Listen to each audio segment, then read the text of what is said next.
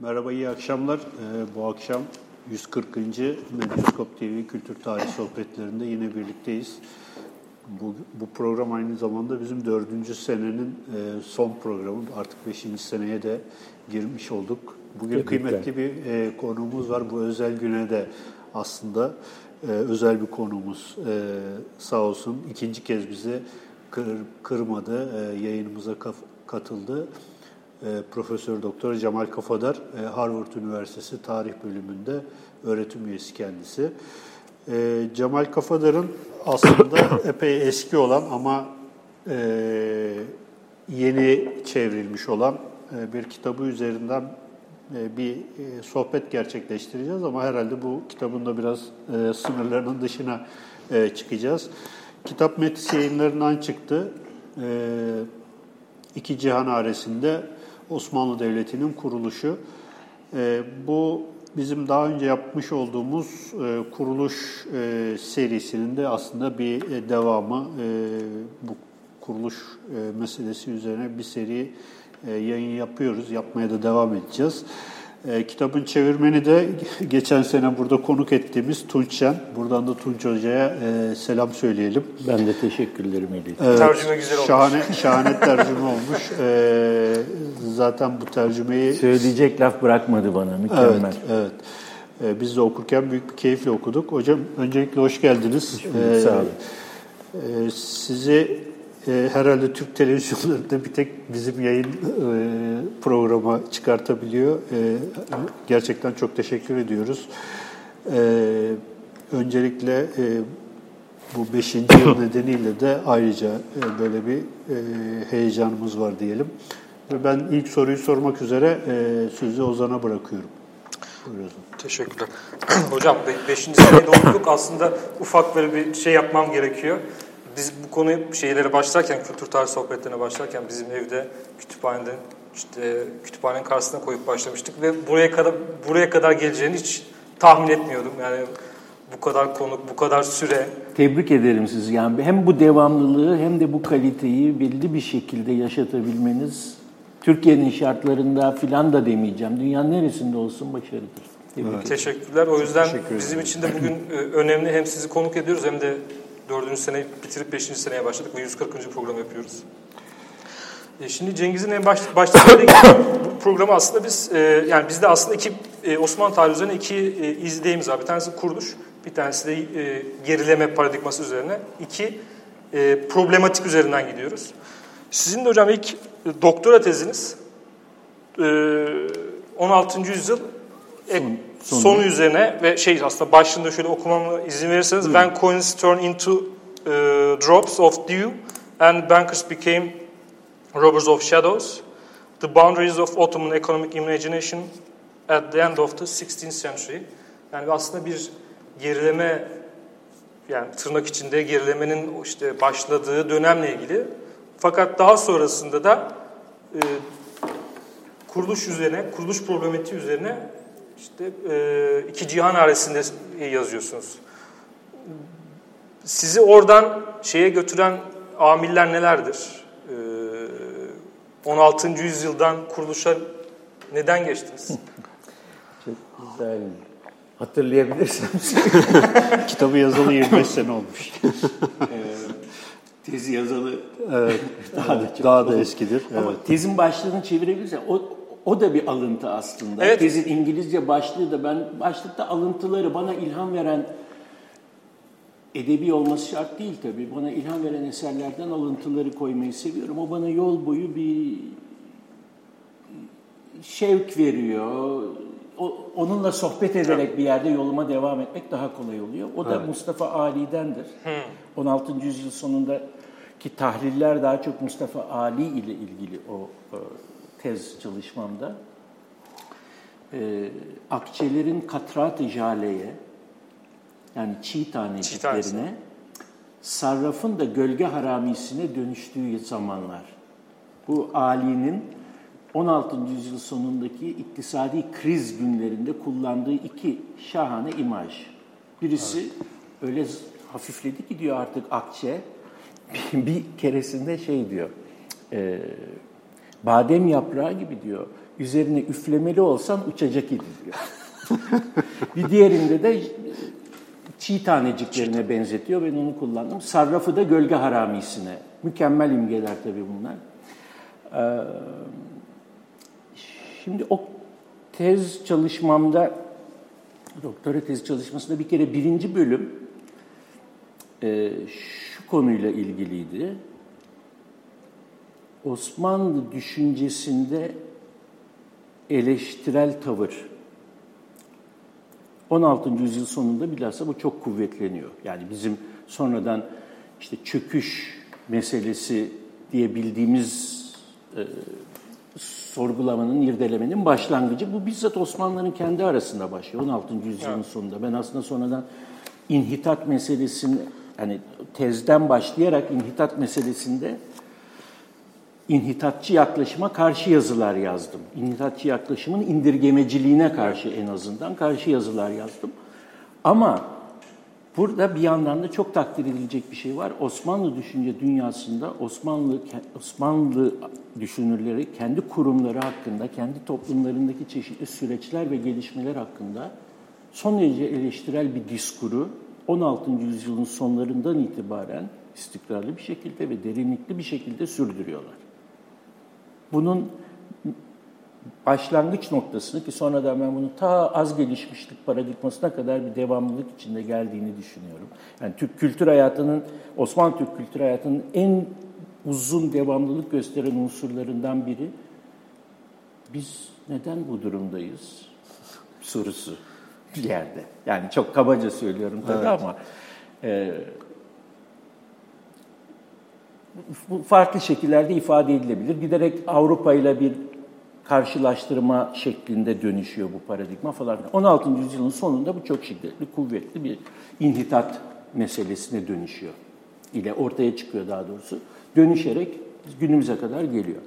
Ama Osmanlı düşünce hayatında eleştirel düşüncenin daha da erken başladığı ve onunla Mustafa Ali gibi yazarların bir iletişim içinde olduğu kanaatine vardım. Bu da Aşık Paşazade, Anonim Tevarih gibi eserleri okurken oldu.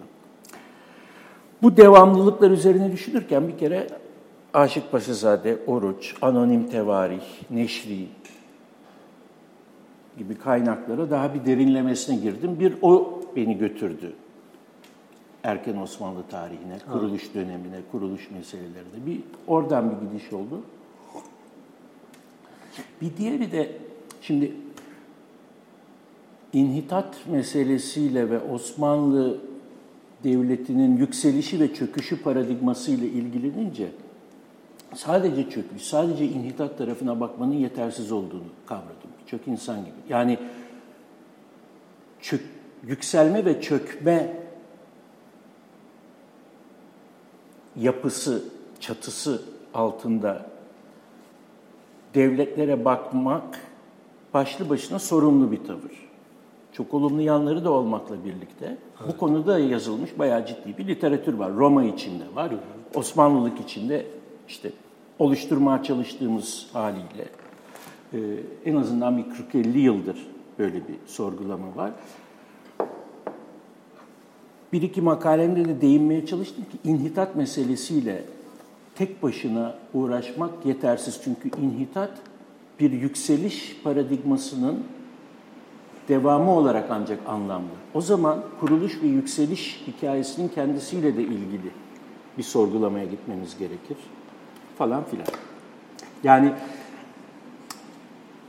bir büyük anlatı tevarüs ediyoruz. Bunun çok olumlu ve çok iyi yanları olabilir ama bu büyük anlatıları, dönemleştirmeleri, isimlendirmeleri sürekli sorgulamalıyız. Yani evet. bizim işimiz bu. Herhangi bir bilim alanının işi bu. Elimizdeki analitik birimler, tahlil ettiğimiz birimler, fizikçi de olsak, matematikçi de olsak, tarihçi de olsak, filozof da olsak sürekli bizim süzgecimizde eleğimizde, el altında e, tekrar tekrar düşünülüyor olması gereken şeyler. O yüzden inhidatla uğraşırken kuruluşla da uğraşmak zorunda hissettim. Büyük anlatıyla ilgili meselelere tekrar tekrar bakmak ihtiyacı hissettim. Aynı şekilde hangi coğrafyayı, diyarı Rum ya da e, kendine ait bir Roma'ya giden çalışmalar da peki nereyi çalışıyoruz sorusuyla ilgili. Evet. Yine analitik birimlerle ilgili. Bizim tahlil ettiğimiz şey nedir? Bunu nasıl adlandırmalıyız? Evet. Gibi gibi. Ee, evet. Ee, şimdi ben bir soru sorayım. Hocam e, şimdi sizin kitabınızı okurken e, az önce Ruşen'le yapılan yukarıda yaptığımız şeyde de e, Ruşen söyledi. E, bir defa e, kuruluş mevzusu üzerine işte e, Köprülü'nün, işte Vitek'in, Gibbons'un tezlerini e, oldukça detaylı ve uzun bir şekilde kitapta e, incelemişsiniz. Daha sonra da e, bunlara yönelik eleştirel e, şeyleriniz var, e, şerhleriniz var evet. ve e, bunları e, yaparken de bir e, nihayetinde bir e, sonuca ulaşıyorsunuz veya en azından bir yol açmış oluyorsunuz. Şimdi mesela ben bunu okurken, kitabı okurken e, kafamda hep e, aslında 19. yüzyıldaki meseleler veya işte 20. yüzyılın başındaki meseleler ta kuruluşta var olan meselelerin bir devamıymış. Yani bütün o e, temelde ne varsa yani işte o e, kuruluş felsefesi, işte bazılarının gaza teorisi dediği, gaza e, e, ideolojisi dediği şeyler, hı hı.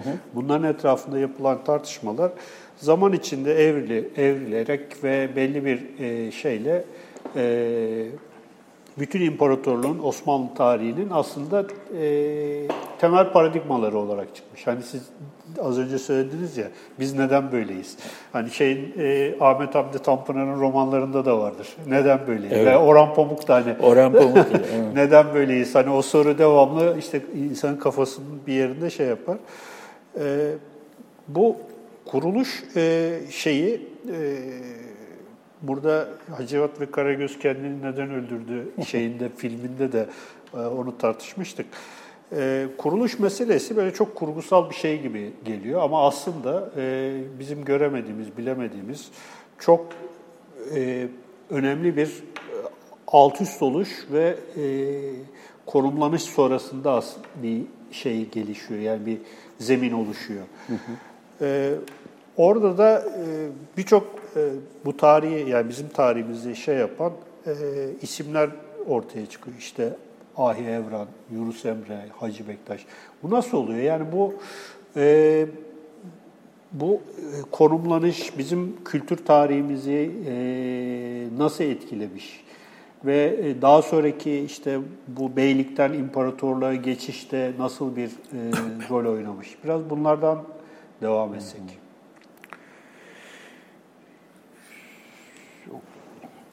Hani 13. yüzyıl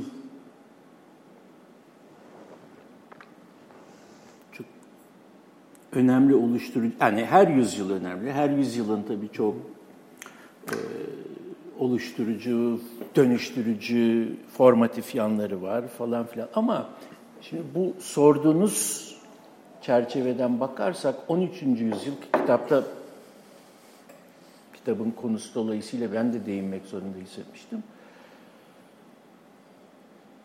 Çok önemli bir yüzyıl. Osman Gazi ve e, onun oluşturduğu hanedan devleti etrafında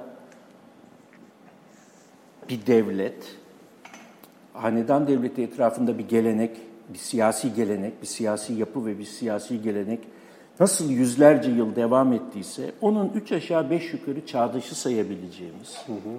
zikrettiğiniz isimler, Ahi Evren, Hacı Bektaş, Hacı Bektaş Veli, Mevlana Celaleddin Rumi, ben Nasrettin Hoca'yı eklerim buraya. Evet, Yunus evet. Emre. Nasrettin Hoca, Yunus bütün bu karakterler tarihi kişilikleriyle efsanevi kişilikleri arasında belki bir türlü çözemeyeceğimiz meselelerden dolayı e, karmaşık kişi, çok çok karmaşık. Yani her insan karmaşıktır, onun çok daha ötesinde karmaşık kişilikler. E, kısmen büyük kısmıyla bazılarında efsanevi kalmaya devam edecekler ama olsun. Her halükarda ben bu beş isminde Belki bir iki kişiyi ekleyebiliriz. Hatta belki Şeyh Safiye ekleyebiliriz buna Erdebil'de. Evet, evet. Osman Gazi'nin çağdaşı. Ölüm tarihleri birbirine çok yakın malum. Şimdi bu kişilere dediğim gibi efsanevi boyutlarını da kabul ederek 13. yüzyıl insanları olarak baktığımızda yani bugüne kültürel gelenekler devamlılığı çerçevesinde bundan muazzam bir kadro herhalde gösteremeyiz, bulamayız, yapamayız. Yani muazzam bir şey. Şampiyonlar Ligi gibi hocam. Evet, evet, evet. Böyle bir şey. Yani buna bakıp şaşırmamak, hayran olmamak o anlamda, hayrete düşmemek ve dolayısıyla bir irdelemeye yönelmemek mümkün değil bir tarihçi için. Nedir bu, ne olmuş, nasıl? Yani ben şimdi bunu cevaplandıracak değilim ama elimden geldiği kadarıyla bir yönüyle Evet. bu e, soruyu e, takip etmeye çalıştım burada. Bilhassa da Osmanlı siyasi yapısının ve geleneğinin oluşumu ekseninde. Ama o günden beri, o günlerden beri tabii hatta daha öncesinden Yunus'u, Nasrettin Hoca'yı, Hacı Bektaş'ı düşünüyorum. Şimdi düşünüyoruz birçok insan, birçok tarihçi meslektaşım, tarihçi olması bile gerekmez. Yani Türk kültürüyle ilgili soruları olan herkesin zihnindeki bu e, kişiler, kişilikler e, aynı öneme haizdir. E, ne diyecek şimdi? 13. yüzyıl acayip bir karmaşa yüzyılı. Yani 13. yüzyılın çok basit siyasi hikayesine bakarsak,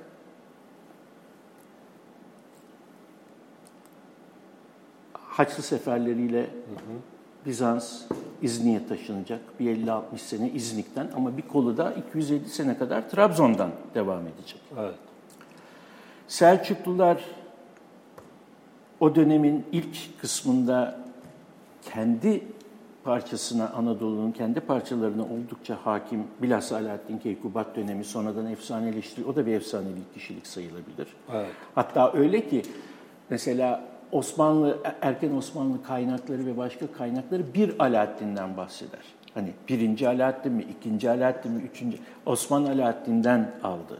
Ya da Ertuğrul Alaaddin'i Ankara'da gördü gibi cümleciklerde bir Alaaddin geçer. Çünkü o da artık sıradan bir biyografiyi, tarihi bir biyografiyi aşan bir efsanevi kişiliğe dönüşmüş. Evet.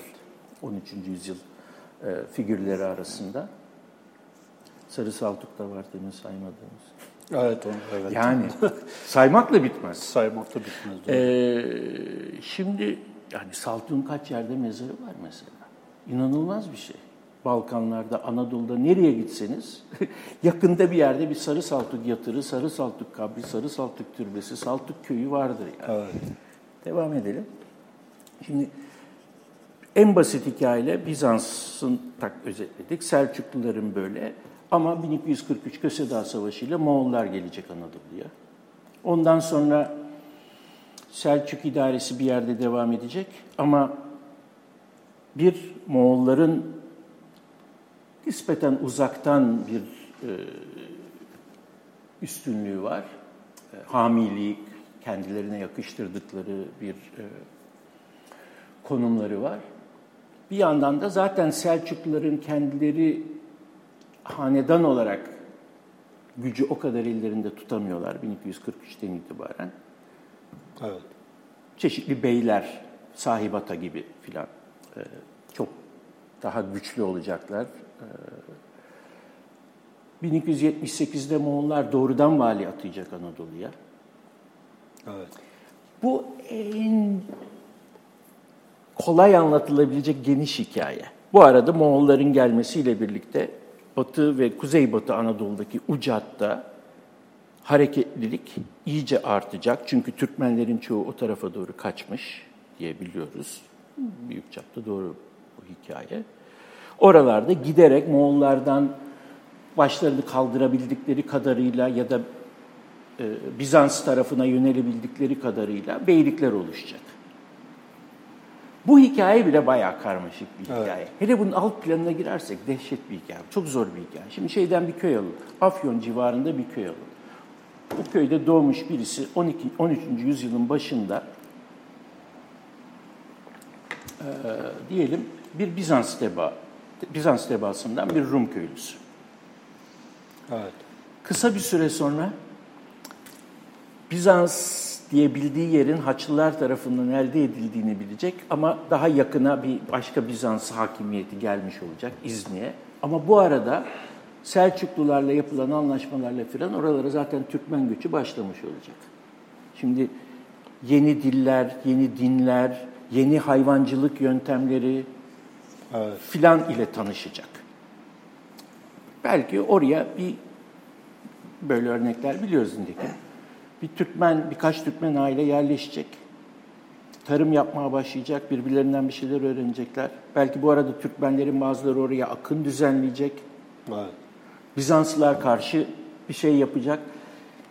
Birdenbire bir de Moğollar çıkacak çerçeveye. Siz şimdi hayatınızda kaç değişik vergi memuruyla, kaç değişik dille, kaç değişik... Bir küçücük köyden bahsediyor. Anadolu'da ben bu hikaye çok... Doğuya doğru gittikçe tabii iş başka türlü karışacak. Ermeniler var, Kürtler var.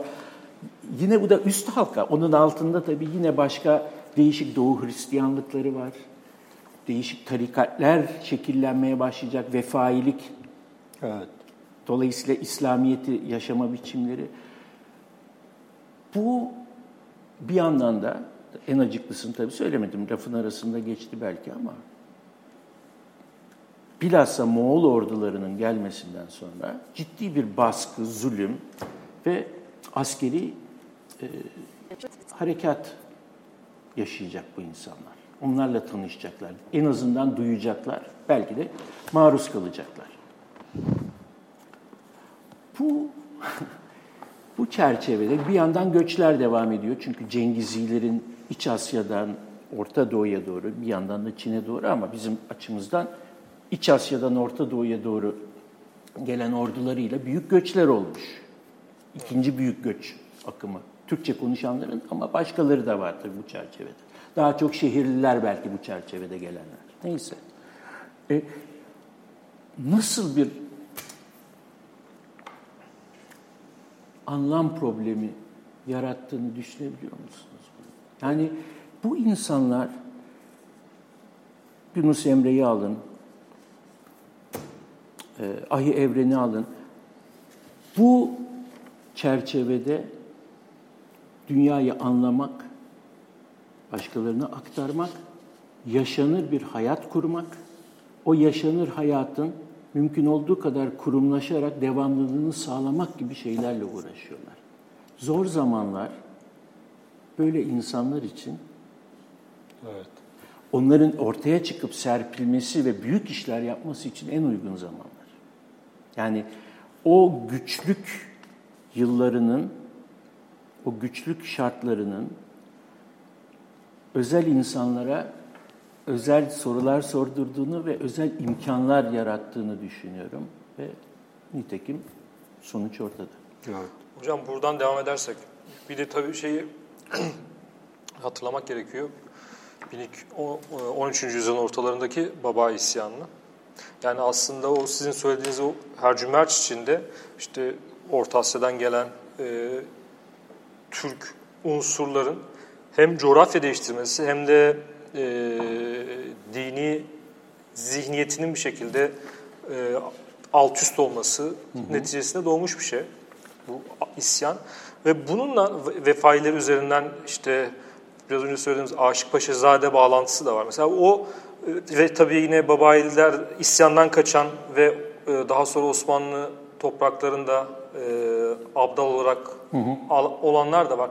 Bu ilişki yani vefai abdallarının e, o isyandan kaçan e, isyankarların diyelim. Diyelim. Osmanlı içindeki konumlanması ve daha sonrasında da Aşık Paşazade'nin o şey yaptığı iki, e, iki şanlı soy diye tanımlayabiliriz herhalde. Birisi işte Ali Osman, diğeri de işte e, kendisinin de e, içinde olduğu vefai soyundan bahsediyor ya. O, o, hı hı. o aradaki ilişki nasıl nasıl görüyorsunuz orayı?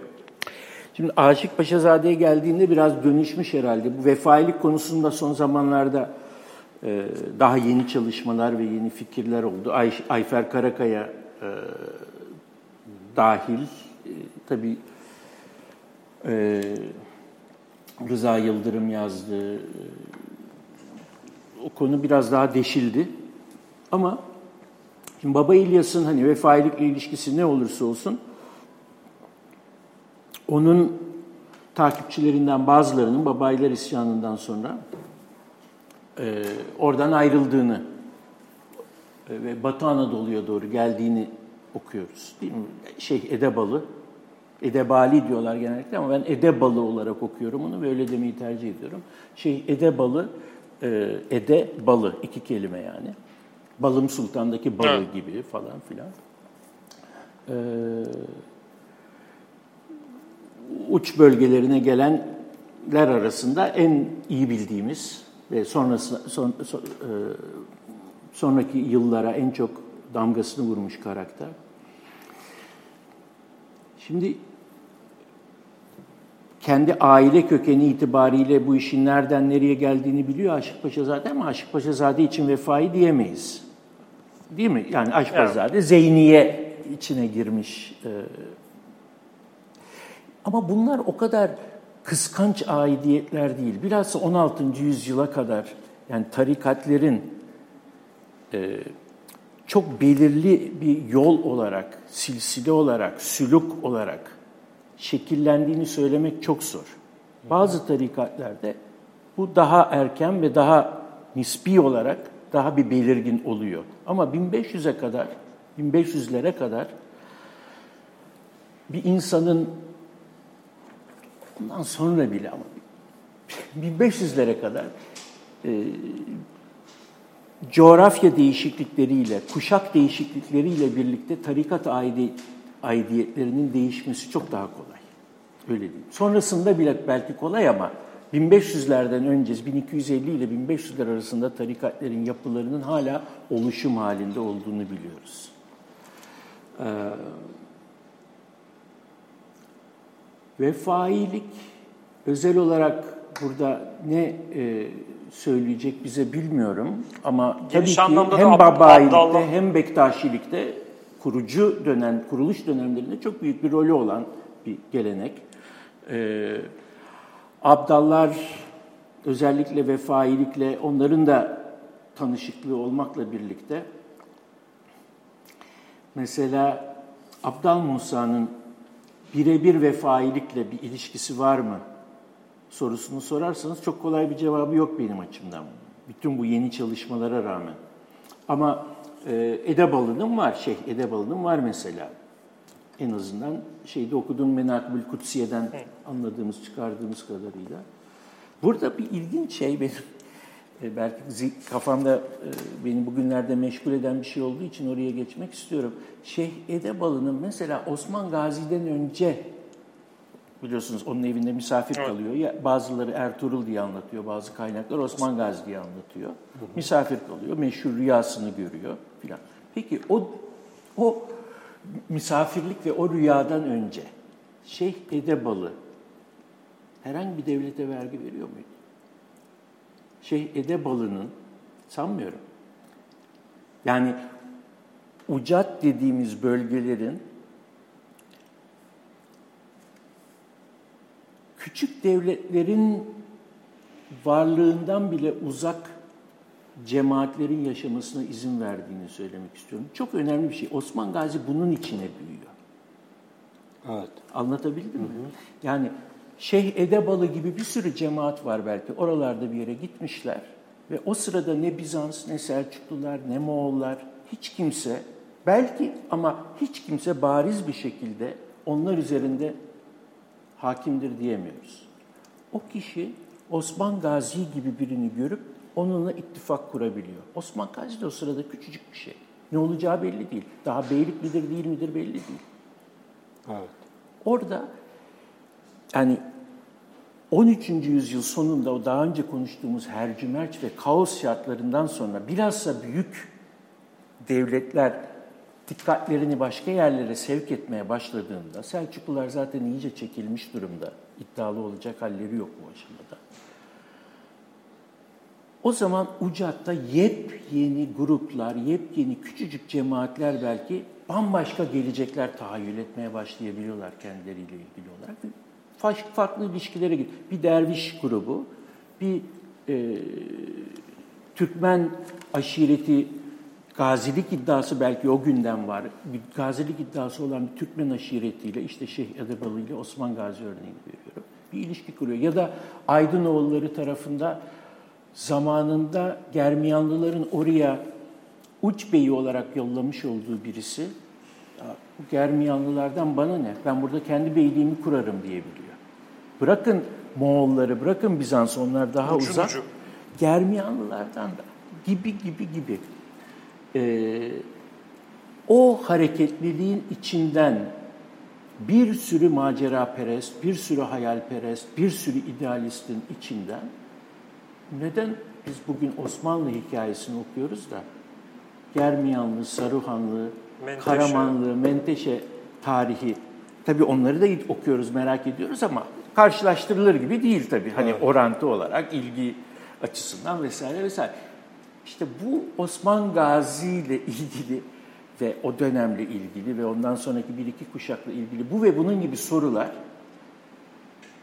şimdi sizinle konuşuyorum konuşurken fark ediyorum ki 30 sene sonra kitap 25 sene önce ama benim onun yazışım 30, evet. 30 sene sonra hala beni acayip heyecanlandırıyor. Evet. Kitabın eksiklerini de konuşuruz inşallah. Her azından benim gördüklerimi tabii başlarında. Ahilik konusunda mesela çok az şey söyledim kitapta. Evet. Ben o zaman da biliyordum. Bazı şeyleri bitirmek, bitirmiş gibi yapmak zorundayız.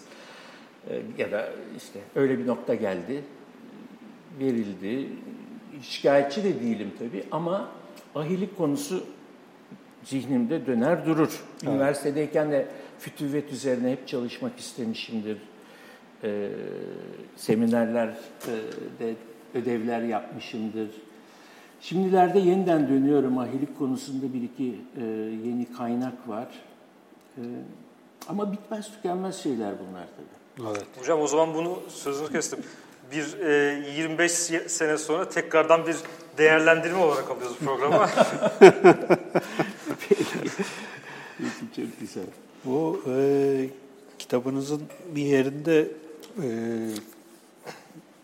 bir e, şey olarak, benzetme olarak e, soğan ve sarımsak meselesine şey yapmışsınız hocam. E, bu Linder'in Linder'in Lindler'in e, soğan Osmanlı Devleti'ni evet. aşiretçilik kökeninin bir merkez olduğunu ve on, işte 15. yüzyıla kadar bütün halkalarıyla birlikte o merkez etrafında toplanmış evet. bir e, yapı olduğunu e, yazmışsınız, tezi şey yapmışsınız.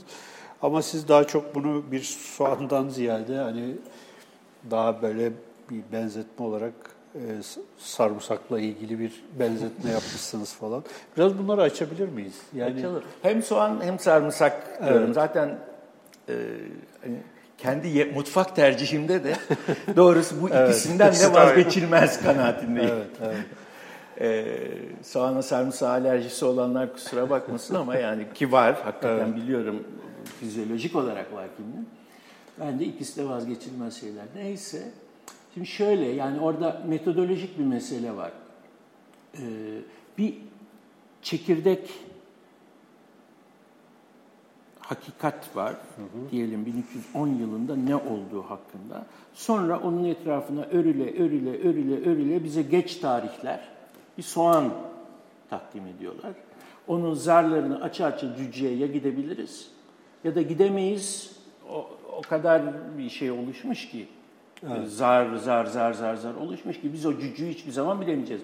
Nitekim mesela Colin Imber gibi meslektaşlar hani bir hı hı. kara delik olduğunu belki bunu da tartıştınız programımızda. Yok tartışmadık ama.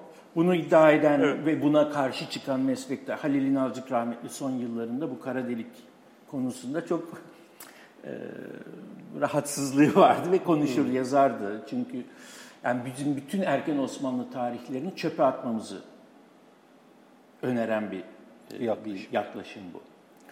E, Aşık Paşazade, Oruç, daha önce sözünü ettiğimiz kaynaklar onun için dış dış dış zarlar.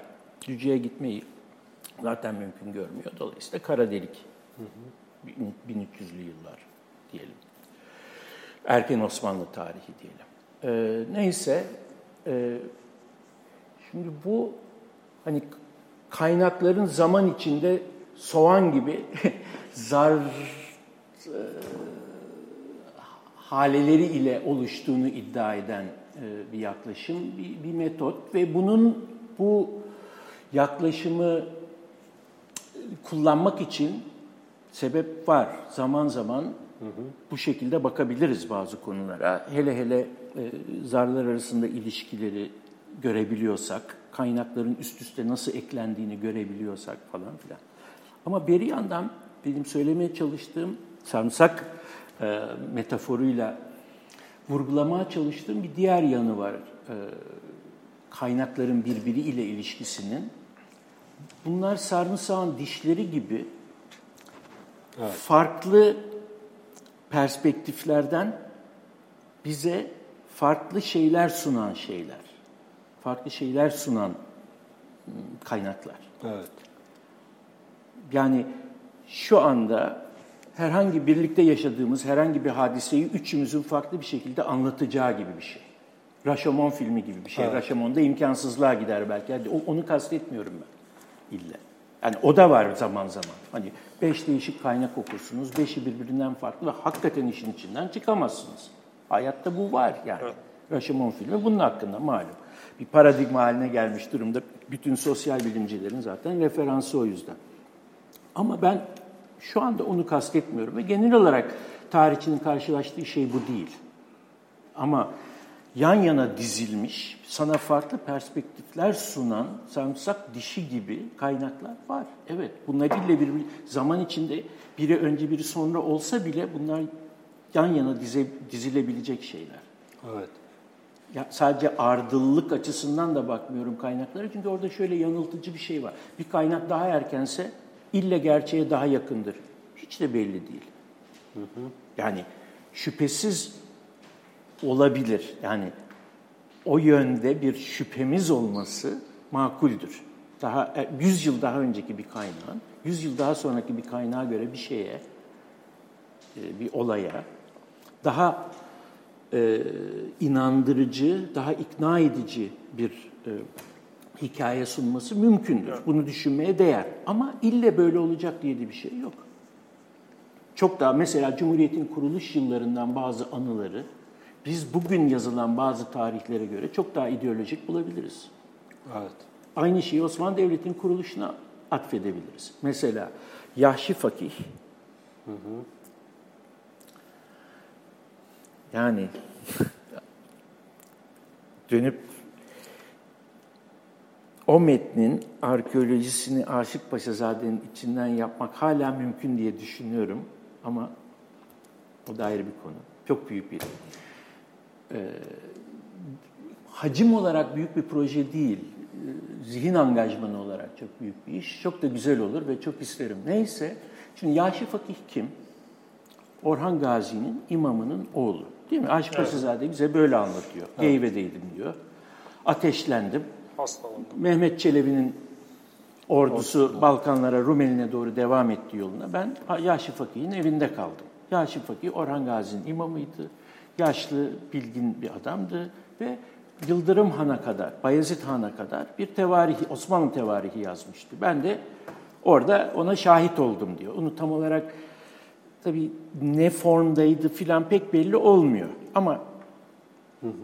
Çoğumuzun izlenimi yazılı bir kaynak olarak Yaşı Fakih'in ortaya koyduğu bir metin vardı ve Aşık Paşazade uydurmuyorsa tamamen, tabii o da muhtemelen, öyle de düşünenler olacaktır. Ben sanmıyorum.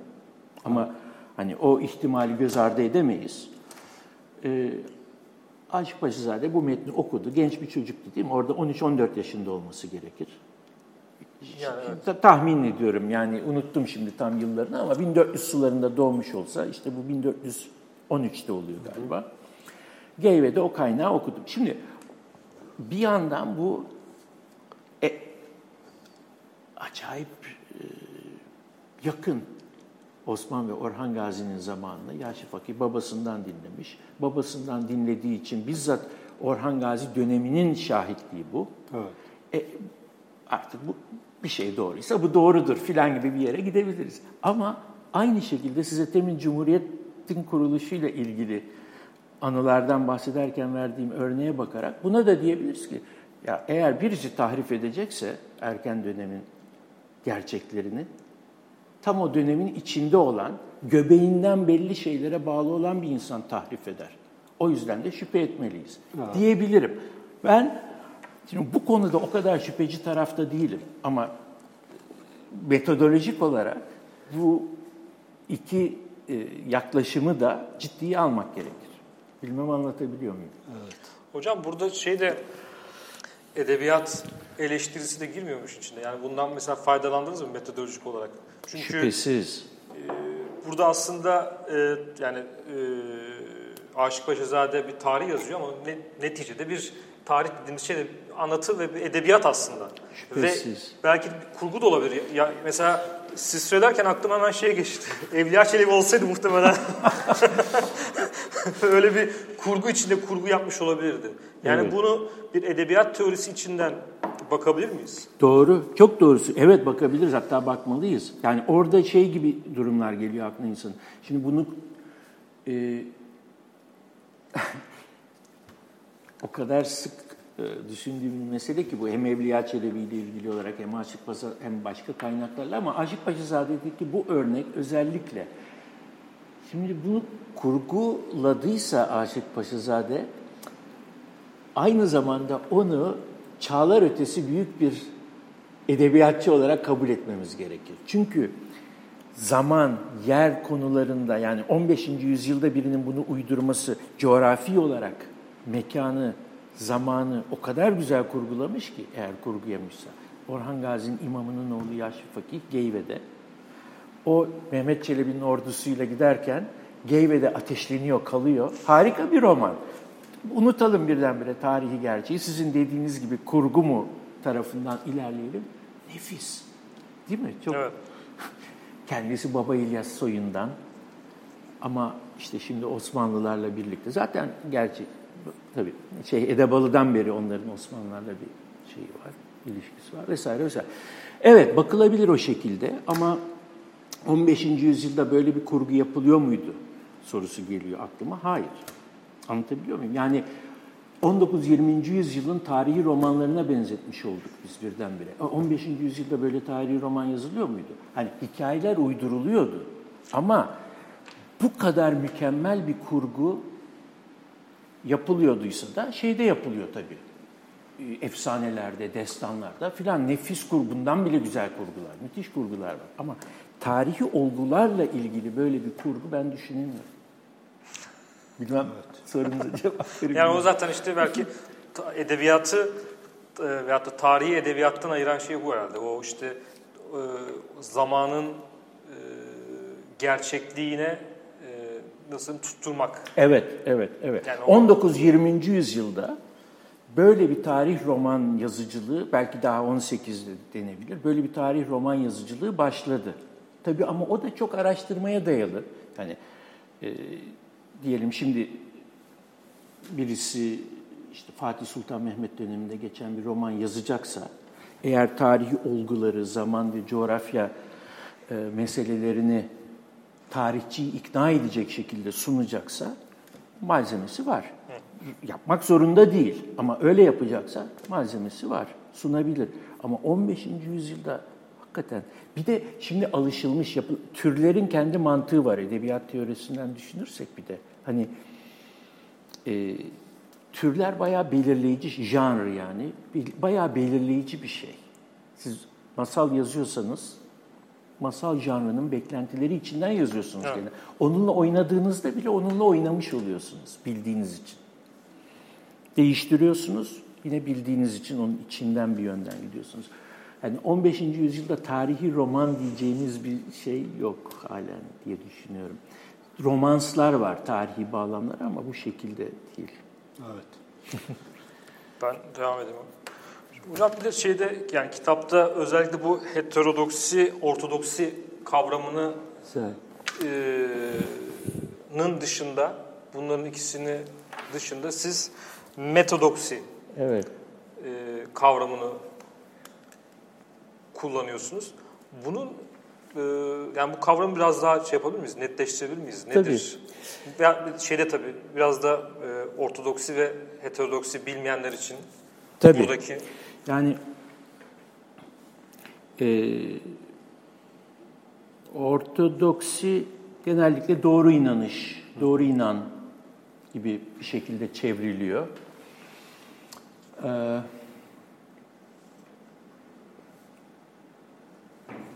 heterodoksi de tabii ona uymayan eskiden tarihçilerin, yazarların fütursuzca sapkınlık evet. dediği şey maalesef yakın zamanlara kadar hatta hala bazı yerlerde ama çok şükür meslek içinde pek kalmadı.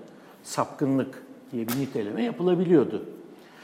Ee, neyse, şimdi bir kere ortodoks, heterodoks kavramları, yani ben metadoksi bir yana, ortodoks, heterodoks kavramlarını kullanmadan bir din ve kültür tarihi yazılabileceğini kendime kanıtlamak istedim en azından bu kitap. Tabii o kavramlardan kaçtım. Onları kullandığımda hep tırnak içinde kullandım. Ya da ortodoks olduğu söylenen, heterodoks olduğu söylenen gibi şekillerde kullandım. Bir de senkretizm kavramından kaçtım, onu da söyleyeyim. Bağdaştırmacılık diye genellikle karşılanan kavram. Yani senkretizm bazı şeyler için kullanılabilir ama şimdi bir tarihi olarak oluşmuş ve iktidar olmuş bir düşünceyi ortodoks yani doğru inanış addedip onun dışında kalan her şeyi heterodoks veya senkretistik yani bağdaştırmacı diye nitelemek o iktidarların kendi doğrularını tarihsel bir şey değilmiş gibi, zaman ötesi bir normmuş gibi kabul etmek oluyor zaten. Yani Ortodoks Hristiyanlık başka bir şey. O da aynı tür bir yerden geliyor ama o kendini Ortodoks görüyor. Yani doğru inanış budur. Hristiyanlığın asıl inanışı budur. Onun dışındaki her türlü Hristiyanlık yanlış inanıştır diyelim. Sapkın kelimesini bırakalım. Yanlış inanıştır. Zamanla Hristiyanlık içinde hala tabi Ortodoks Kilisesi'nin e, e, rahip temsilcileri eminim bunun böyle olduğunu söyleyecekler. Ama onlar için bile Ortodoks artık bir tarihi kimlik çoğu zaman. Katolik de var, bilmem ne de var. İş rekabete geldiğinde tek doğru var, o da ayrı konu. Her dinde böyle bir husus var mezhepler arasında. Ee, bizim sonradan Ortodoks kelimesi Hristiyanlık içindeki anlamından çıkarılıp değişik din iklimleri içinde kullanılıyor. Bizim de yaptığımız burada bu. Yani doğru inanış addedilen şey ve onun dışındakiler gibi. Mesela Köprülü'nün döneminde bu çok normal addedilmiş. Hatırlarsınız Köprülü genellikle bunu Fransızca yazar ve e, eğik italik. dizer, italik dizer. Hı hı. Heterodoksun aksanlarını koymayı da unutmadan. Çok kendi çağı, kendi günü için çok e, kabul edilmiş doğal bir kullanım bu. Ama zaman içinde farkına vardığımız bir şey, benim bu kitabı yazarken farkında olduğum şey, iyi de yani neyin ortodoks, neyin heterodoks olduğunu kim tanımlıyor?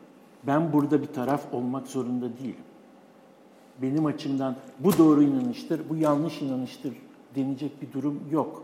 İslamiyet'in varyantları, değişik şekillerde yaşanış ve algılanışları üzerinden birbirinden farklı cemaatler var. Bunlardan birisi iktidar olmuş. Elbette hep öyle oluyor. Olduğunda kendi tavrını doğru inanış olarak belirlemiş. O da normal. Ama benim birebir o kavramlarla, o e, ortodoks, heterodoks ikilemesiyle bu konuya yaklaşmam gerekmez. Diyerek bu şeyden uzak durdum. Senkretistik de aynı şekilde. Çünkü sofistike, karmaşık dini yapıların hepsi aşağı yukarı bağdaştırmacı şeyler. Farkındayız. Budizm de böyle. Budizmin varyantlarının her biri böyle. Hristiyanlık da böyle. Hristiyanlığın varyantlarının her biri bağdaştırmacı. İslamiyet'te de böyle. Bir tanesini bağdaştırmacı diye niteleyip onu biraz karışık bu anlamında bir e, marjinalizasyona tabi tutmak bana doğru gelmedi. Zaten antropolojik e, tartışmalarda, metodolojide senkretizm çoktan sorgulanıyordu bu şekilde. 70'lerde, 80'lerde. E, metadoksiye gelince, metadokside başka bir şey aradım. E, ortodoksi, heterodoksi kavramlarından kaçmak bir yana, bizzat 14-15. yüzyıl insanların, bu ara bu bayağı kuvvetli bir şekilde geliyor bizim sahada, İran üzerine, Orta Asya üzerine çalışanlarda 15. yüzyılda birçok düşünürü, mutasavvıfı, devlet adamını, şairi kolaylıkla mezhebi açıdan tanımlayamıyoruz. Yani 14. yüzyıl uç boylarında bunun yaygın olduğunu düşündüm. Ama farklı şekillerde çok daha okumuş çevrelerde bile mesela Cihanşah, Sultan Cihanşah, e, Karakoyunlu Sultanı. Hani şiirleri yayınlandı. Çok da güzel bir giriş ve inceleme yazısı yazmış. Tanımıyorum e, yayını hazırlayan meslektaş. Aynen bu meselenin üzerinde duruyor ve ciddiyetle duruyor ve çok belli. Yani bu şekilde ele alabileceğimiz birçok okumuş veya e, kitapla, mekteple, medreseyle fazla alakası olmayan çevrelerden örnekler bulabiliyoruz ki kendilerini sonradan bilhassa Çaldıran'dan sonra çok daha sert bir şekilde ortaya çıkacak mezhebi kimliklerden, kimliklerin en azından biraz üstünde görebiliyorlar. Onları biraz aşan meta zaten ötesi demek ya. Mavera. Yani e, mavera. Daha doğrusu. E, onların ötesinden bir yerden daha kuşatıcı ve kucaklayıcı belki kapsayıcı içerici şekillerde e, bizim bir noktadan sonra çok sert ortodoks heterodoks ayrımına e, girecek meselelere bakabildiğini gördüm. O yüzden de onunla ilgili bir kavram düşünmek istedim. Metadoks dedim. Mesela son zamanlarda meslektaşlar bunu e, Türk, Alman, Amerikalı değişik meslektaşların kalem yani yazılarında görüyorum. E, ambiguite yani muğlaklık ile karşılıyorlar. Daha eski Arapçası yani karşılığı ambiguous, e, mülebbes. E, yani şu veya bu olmak konusunda çok sert ve keskin bir tavır koymayan, şuyu da buyu da kapsayabilecek bir genişlikle yukarıdan bunlara bakıp yaklaşan tavır. Confessional ambiguity ya İngilizce bir kavram çok kullanıyor. Yani konfesyonel mezhebi bir e, muğlaklık üzerinden yaklaşım. Olabilir. Ben metadoks kelimesini koyarken buna benzer bir şey arıyordum. Ben o muğlaklık kavramından ne İngilizcesinden ne Türkçesinden memnun değilim. O yüzden hala kaçıyorum oradan. Evet. Çünkü o muğlaklık bir şekilde ne yaptığını bilmiyormuş izlenimi uyandırıyor. Ben halbuki metadokside aktif olarak seçtikleri Cihanşah gibi birisinin mesela seçtiği bir şeyden bahsettiğimi düşünüyorum. Hacı Bektaş Veli'yi hala, hala koyamıyoruz bir yere. Sünni mi Şii mi? Evet. Koyamıyoruz bir yere. Çok zor. Yani çok sert davranan koyanlar var elbet. Ama çoğumuz benim bildiğim münsif meslektaşlarım elini açıp Allahu alem Allah biliyor demekten başka çare bulamıyorlar. O da işte bu benim metadoksi dediğim yer. Yunus Emre buyurun. Buyurun yani. Yunus Emre için çok zor yani böyle bir mezhebi katı kimlik içinden tanım vermek. Evet.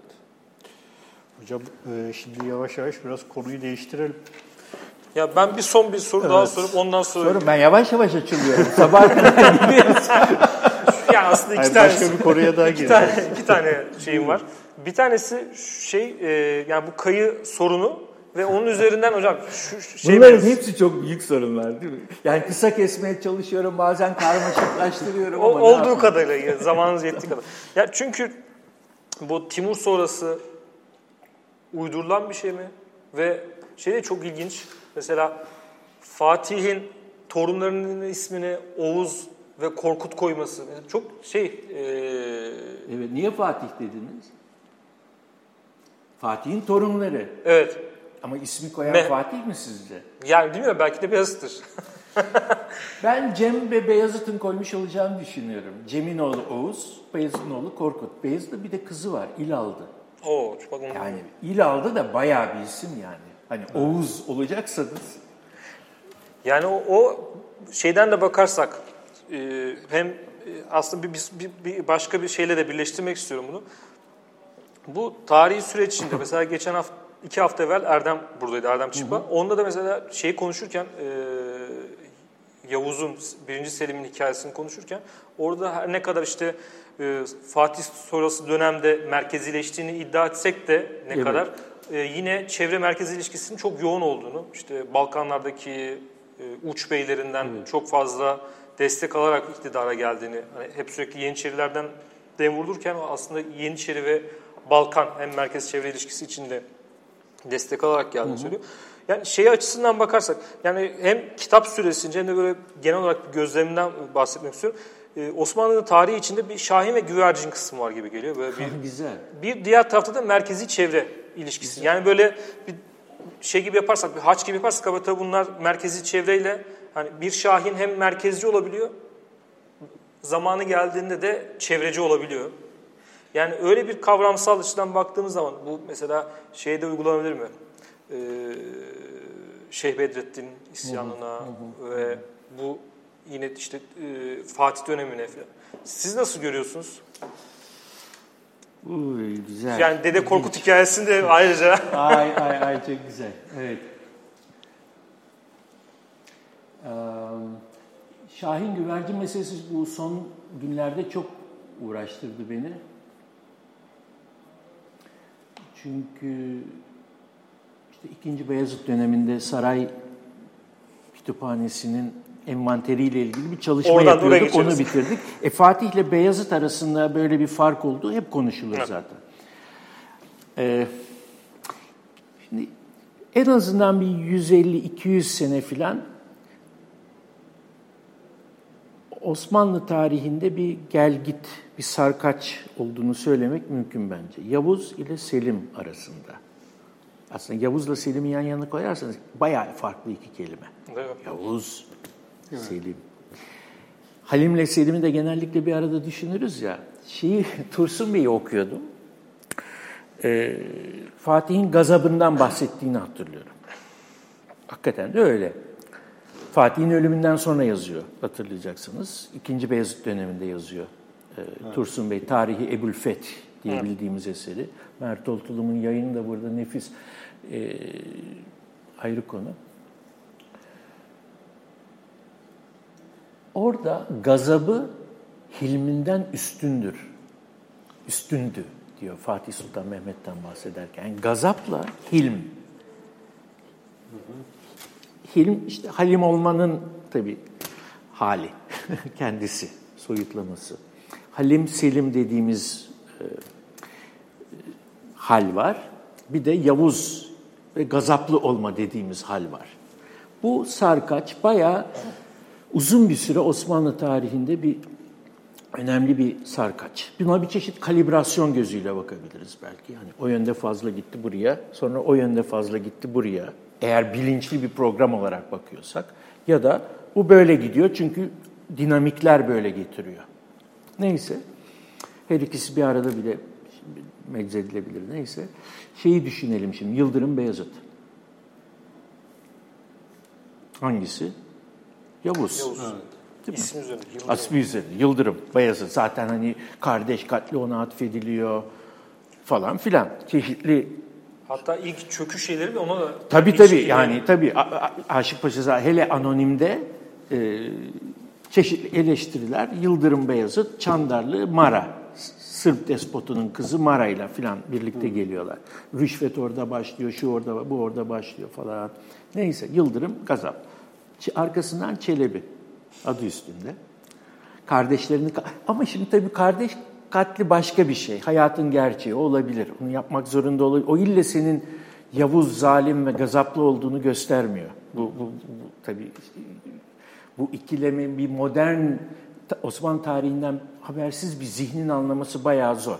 Hani çünkü bizim Halim ve Selim dediğimiz insanlar da savaşa gidiyor. İcabında kardeş katline de bulunuyorlar. Evet.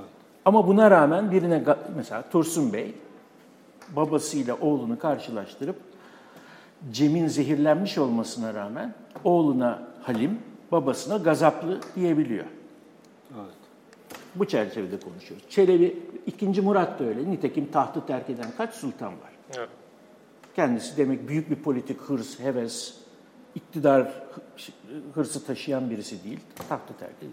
Ama Fatih Sultan Mehmet de yeniden Sarkaç, Gazap'a doğru gidiyor.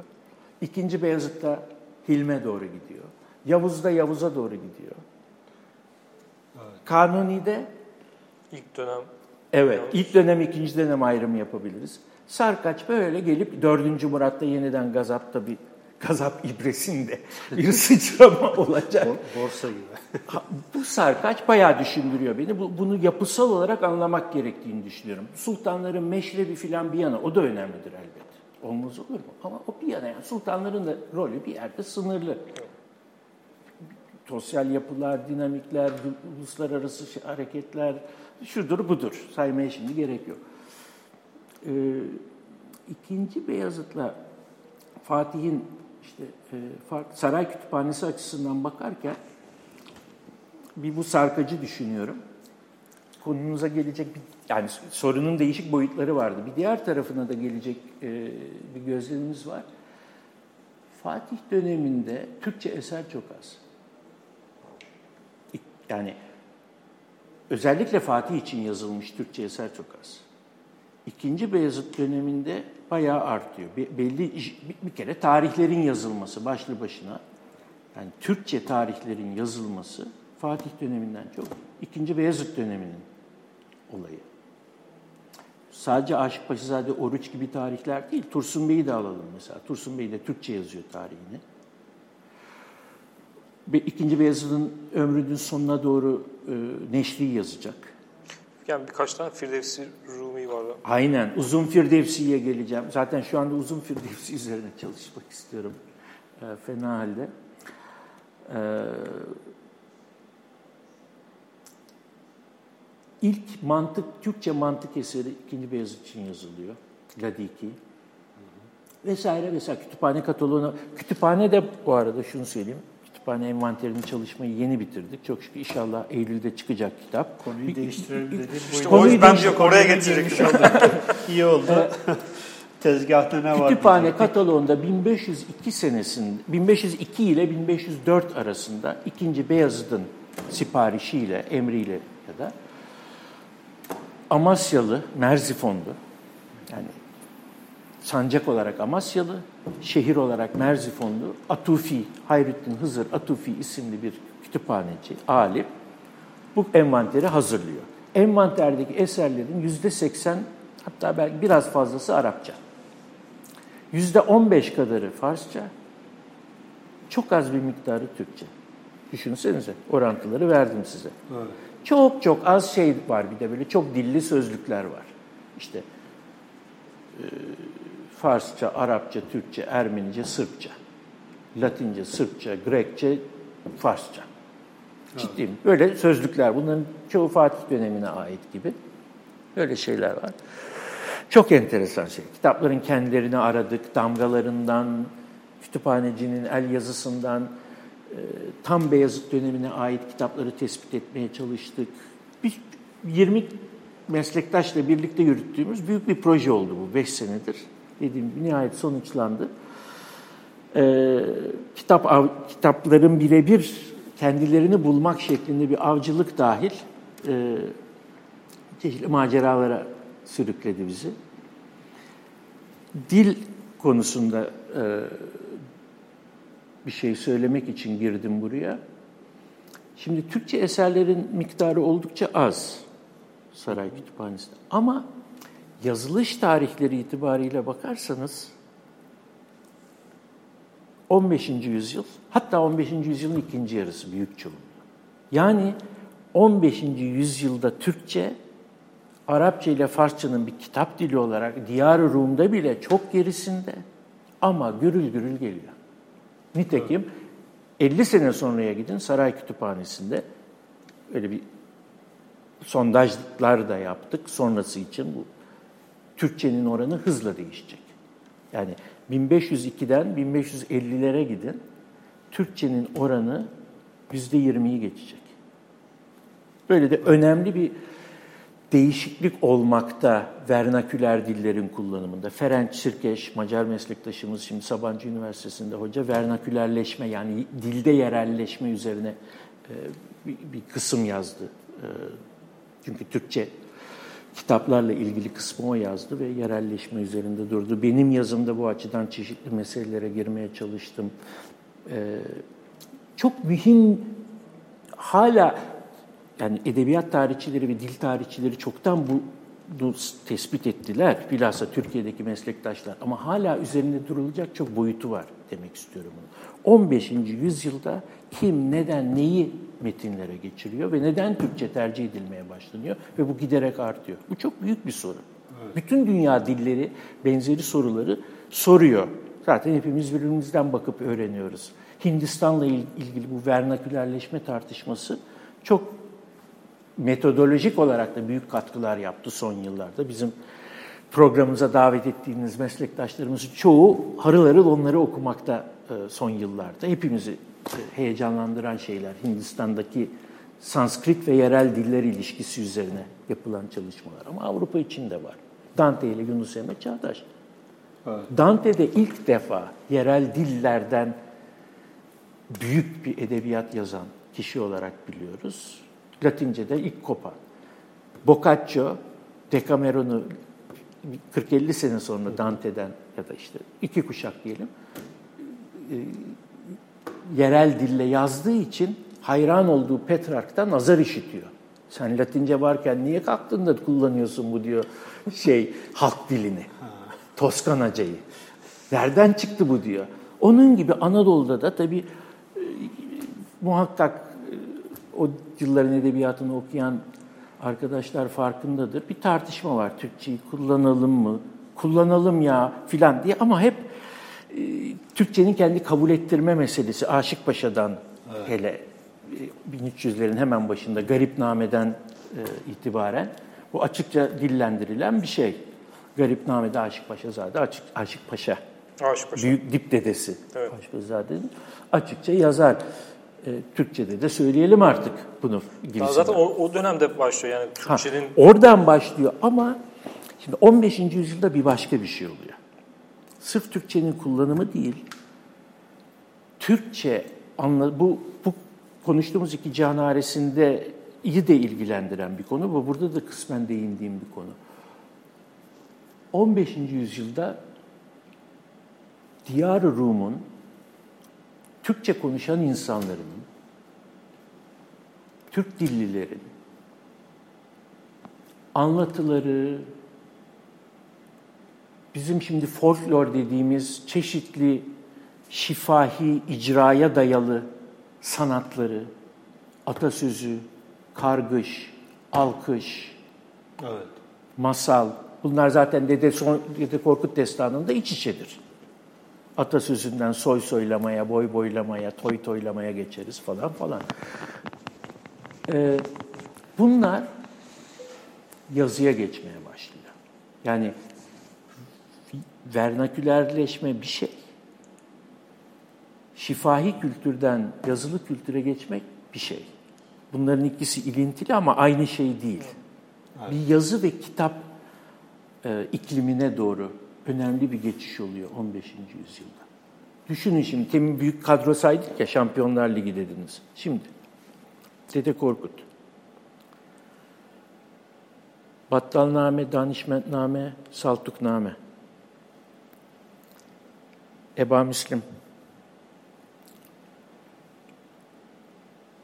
Oğuzname adı verilen çeşitli atasözü koleksiyonları, Hacı Bektaş Vilayetnamesi, ve başka vilayetnameler. Düsturname, Aşkpazar'da Menakıb ve Tevarihi Ali Osman dediğimiz bir nice anlatı. Bunların hepsi ilk defa, bunların birçoğu yüzlerce yıldır anlatıyor, anlatılıyor. Evet. Bir şekilde anlatılıyor tabii. Hani şekil değiştirme olayını da burada çok... Mesela bu kitapta ben bu yazıya geçmenin farkındayım, bahsettim. Son yıllarda çok daha fazla düşündüm üzerinde. İşte bu Beyazıt kitabında, Beyazıt'ın kütüphanesiyle ilgili kitapta biraz daha e, girmeye çalıştım konuya ama daha yapılacak çok işim var. Hem başkalarının hem benim daha yapacak çok işimiz var. Neyse. Saydığım metinleri bir düşünün. Yani bunlar Türk kültür tarihinde yeri tartışılamayacak böyle hani anıt eserler. Bunların çoğu bir 40-50 yıllık bir dönemde ilk defa yazıya geçiyor. Bir kısmı yüzlerce yıldır anlatılıyor. Neden burada yazıya geçiyor? Evet. Sorusu ve nasıl bir şartta ve bunun yazıya geçmesi ne demek? Ne getiriyor, ne götürüyor? Çünkü yazıya geçmeyi ille bir tekamül olarak modern insanlar olarak öyle görüyoruz. Bir anlamında öyle. Ama yani öyle yazıya geçen şeylerin şifahi anlatımdaki bir sürü zenginlikle zenginlikten bir şeylerin yitirilmesine sebep olduğunu da düşünmek mümkün. Yani şifahi kültürün aynen bir zamanlar göçebelikle yerleşiklik üzerine düşündüğümüz göçebelik daha ilkel bir kategorisiydi insanlık tarihinde toplumların. Yerleşiklik muhakkak ki bunun üstündedir. E bir anlamda böyle bir yanı var belki bazı yerlerde, bazı şartlarda. Ama artık bu konuya çok daha farklı bakıyoruz. Evet. Bir kere bunların yan yana yaşama imkanları, yani ille birinden öbürüne bir geçiş oluyor demek zorunda değiliz. İki, e, göçebeliğin e, hatta daha farklı e, toplumsal organizasyon biçimlerinin kendi içinde büyük zenginlikler taşıdığını, doğayla kurduğu ilişkileri mesela bugünlerde çok daha takdirle, farklı bir gözle okumaya, anlamaya çalışıyoruz. Aynı şekilde şifai kültür, yazılı kültür ilişkisi. Yani yazılı kültüre geçmek genel olarak Hele benim işte bir şikayet etmem bundan çok büyük ayıp olur. Hayatımı işte akademiyada geçiren falan kitapla kitapla. Ama şifahi kültürden yazılı kültüre geçmeyi birebir sadece şöyle bir teknikten bir tekniğe sıçramak gibi algılayamayız. Orada farklı şeyler oluyor. Çağrışım zenginliği, şifahi kültürün icra e, edilişindeki çağrışım zenginliği sessiz okumada bilhassa kaybolabiliyor. Evet. Mesela vaktimiz var mı hala? Var var. Tabii. Şimdi son zamanlarda seminerlerde yaptığımız bir deneme var. Hacı Bektaş Vilayetnamesi'nden evet. bir kısım.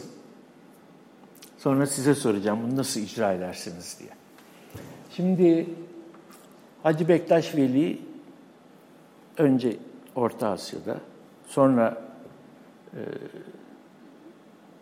Mekke, Medine, Hacc'a da gidiyor ve işte hac ile Anadolu arasında çeşitli topraklardan geçtikten sonra Diyar Rum'a yaklaştığında, Rum'a yakın olduğunda, yakın geldiğinde diyor zannederim kaynak,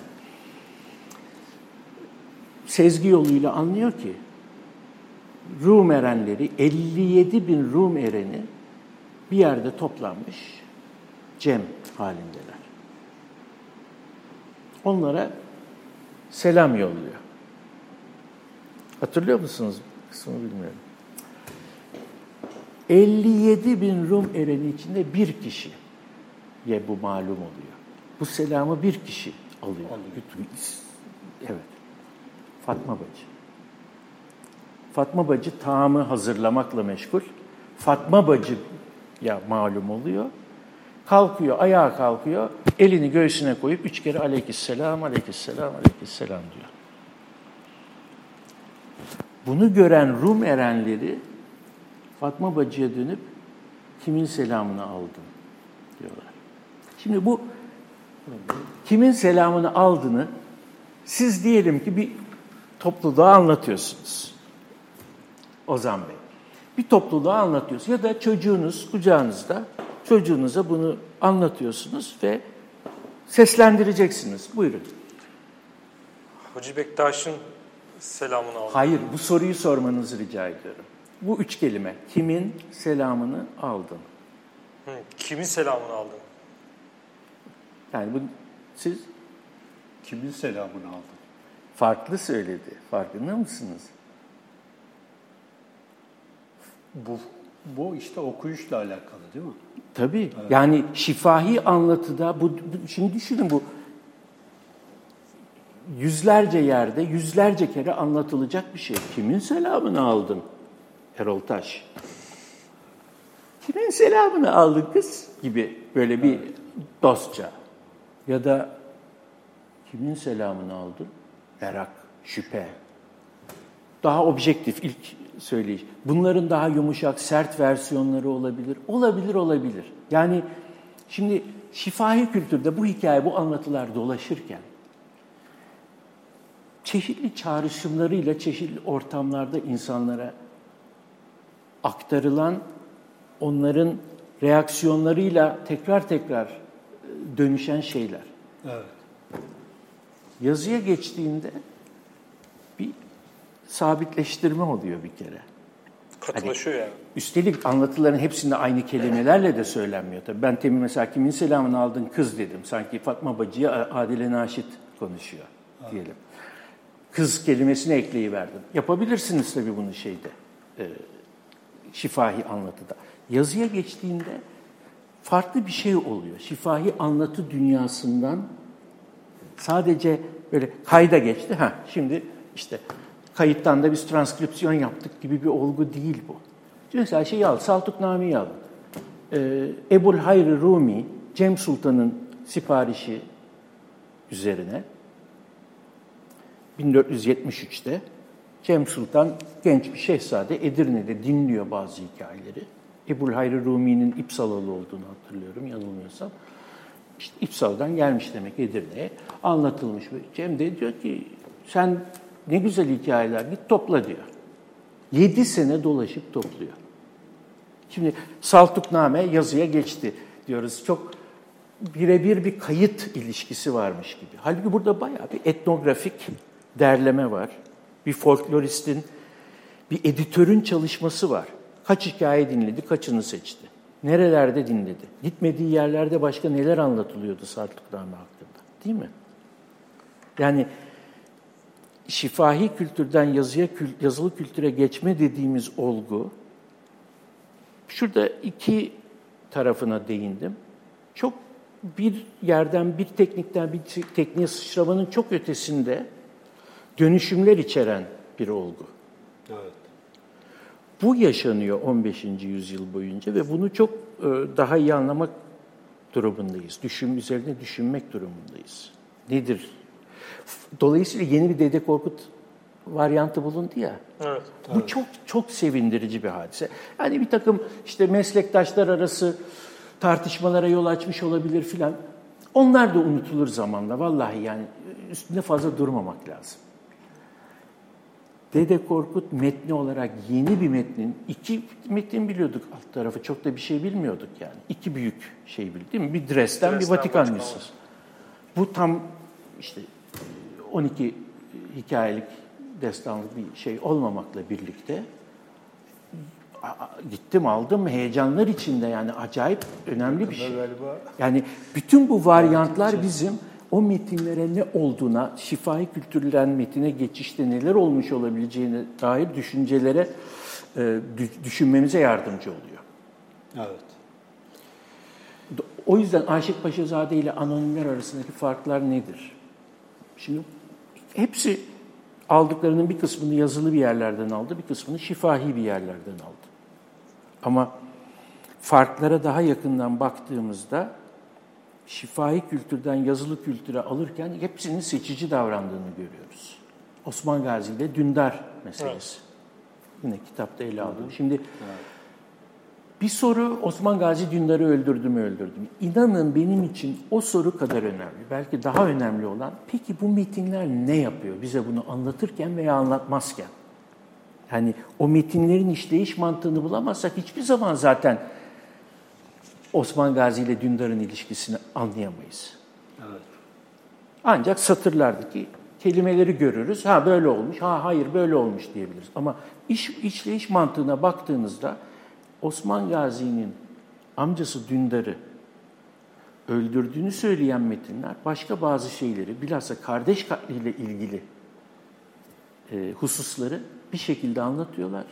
Osman Gazi'nin Dündar Gazi'yi, Dündar Bey'i öldürmediğini, öldürdüğünü anlatmayan metinler kardeş katline farklı yaklaşıyorlar. Demek ki bu insanlar birebir duyduğunu kağıda geçiren insanlar değil. Bunlar bir editörlük yapıyor. Bunu diyorum. Biz bunlara editör, folklorist, etnograf olarak bakmalıyız. Ve o gözle okuduğumuzda metinlerde farklı şeyler görüyoruz. Yani orada hocam şey var tabii ki. Sizin söylediğiniz neyi görüp neyi görmedi. Aslında hani görmez görmezken de bir şey söylüyor. Bir şey söylüyor. Bir şey söylüyor tabii. tabii. Hep hayatta böyle değil mi? Yani, yani evet. kendi bir arkadaşımızla konuşurken onun bir konuda kör ol, körlük yapmış olması hoşumuza gider veya gitmez ayrı konu. Dikkat çeker ama. Ya sen bunu niye kaçırdın? Nasıl kaçırdın? Anlatırken niye burasını eksik tuttun? Hayat bu. Evet. Hocam yavaş yavaş toparlayalım. Toparlayalım. Dede Korkut'la ee, mı toparlıyor? Ne yapıyoruz? Evet hocam. Dede, Dede Korkut. Rütük, Rütük'ten bahsetmeyeceğiz. Yok hocam. Onlar bizi ilgilendirmiyor. Biz işimize bakıyoruz. Ee, burada e, sevindirici bir haberi haberi de e, ver, vermiş olduk. İlk kez belki e, bu yeni kitabınız, yeni çalışmanız, e, editörlüğünü yapmış olduğunuz ikinci Beyazıt'ın kütüphanesi e, çalışması. Evet, bu üç editör, evet. ben, Gülru eşim, Necipoğlu ve Cornel Fleischer sevgili meslektaşım, üçümüz birlikte evet. e, editörlüğünü yaptık. Ve 20 yazar arkadaşın, meslektaşın, e, dostun bizimle çalıştığı büyük bir grup projesiydi. Beş Hı. yıldır çalışıyorduk. Eylül ayında çıkıyor. Eylül ayında Brill ilan etti. Daha önceki ilanların dan 3-5 ay gecikti ama artık tamamen matbaaya gitti. Dolayısıyla evet, bu tarih son Onu tarih. da büyük bir heyecanla bekliyoruz inşallah. Ee, belki seneye de onunla ilgili bir... Yakın zamanda da tercüme edilirse çünkü İngilizce çıkacak değil mi hocam? İngilizce çıkacak. Tabii ikinci cildi tamamen metnin kendisi. İki cilt çıkıyor. Metnin kendisi kısa bir Osmanlı Türkçesi girişin dışında 3-4 sayfa, 300 küsur sayfalık bir metin kitap listesi ama tamamen Arapçanın e, dil bilim kurallarına göre hazırlanmış bir e, Arapçanın gramerine göre hazırlanmış e, bir katalog, bir envanter. Bölüm başlıkları falan hep Arapçanın e, gramerine göre verilmiş. Ama Osmanlıca okuyan birisinin rahatça okuyabileceği bir metin evet. olacak. Faksimilesi de olacak o ciltte. Birinci ciltteki çalışmaların kendileri İngilizce. Değerlendirmeler yani. Makale. Değerlendirmeler İngilizce.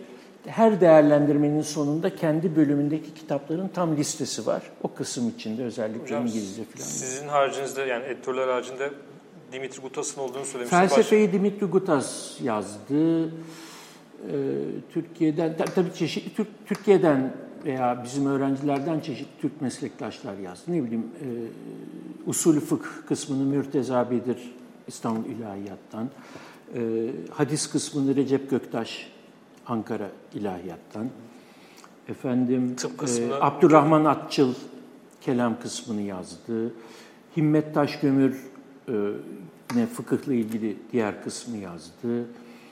E, Türkiye'deki dinleyicilerin çok rahat tanıyacağı isimler bunu. Hüseyin Yılmaz e, siyaset name siyaset literatürünü yazdı. Cornel Fleischer ile Kaya, Kaya Şahin birlikte tarih kısmını yazdılar. Ahmet Kara Mustafa ile ben birlikte tasavvuf kısmını yazdık. Ee, Nüket, Nüket Varlık tıp kısmını yazdı. Tunç Şen, sevgili Tunç, e, Yıldız Bilimleri, ilmi nücum kısmını yazdı.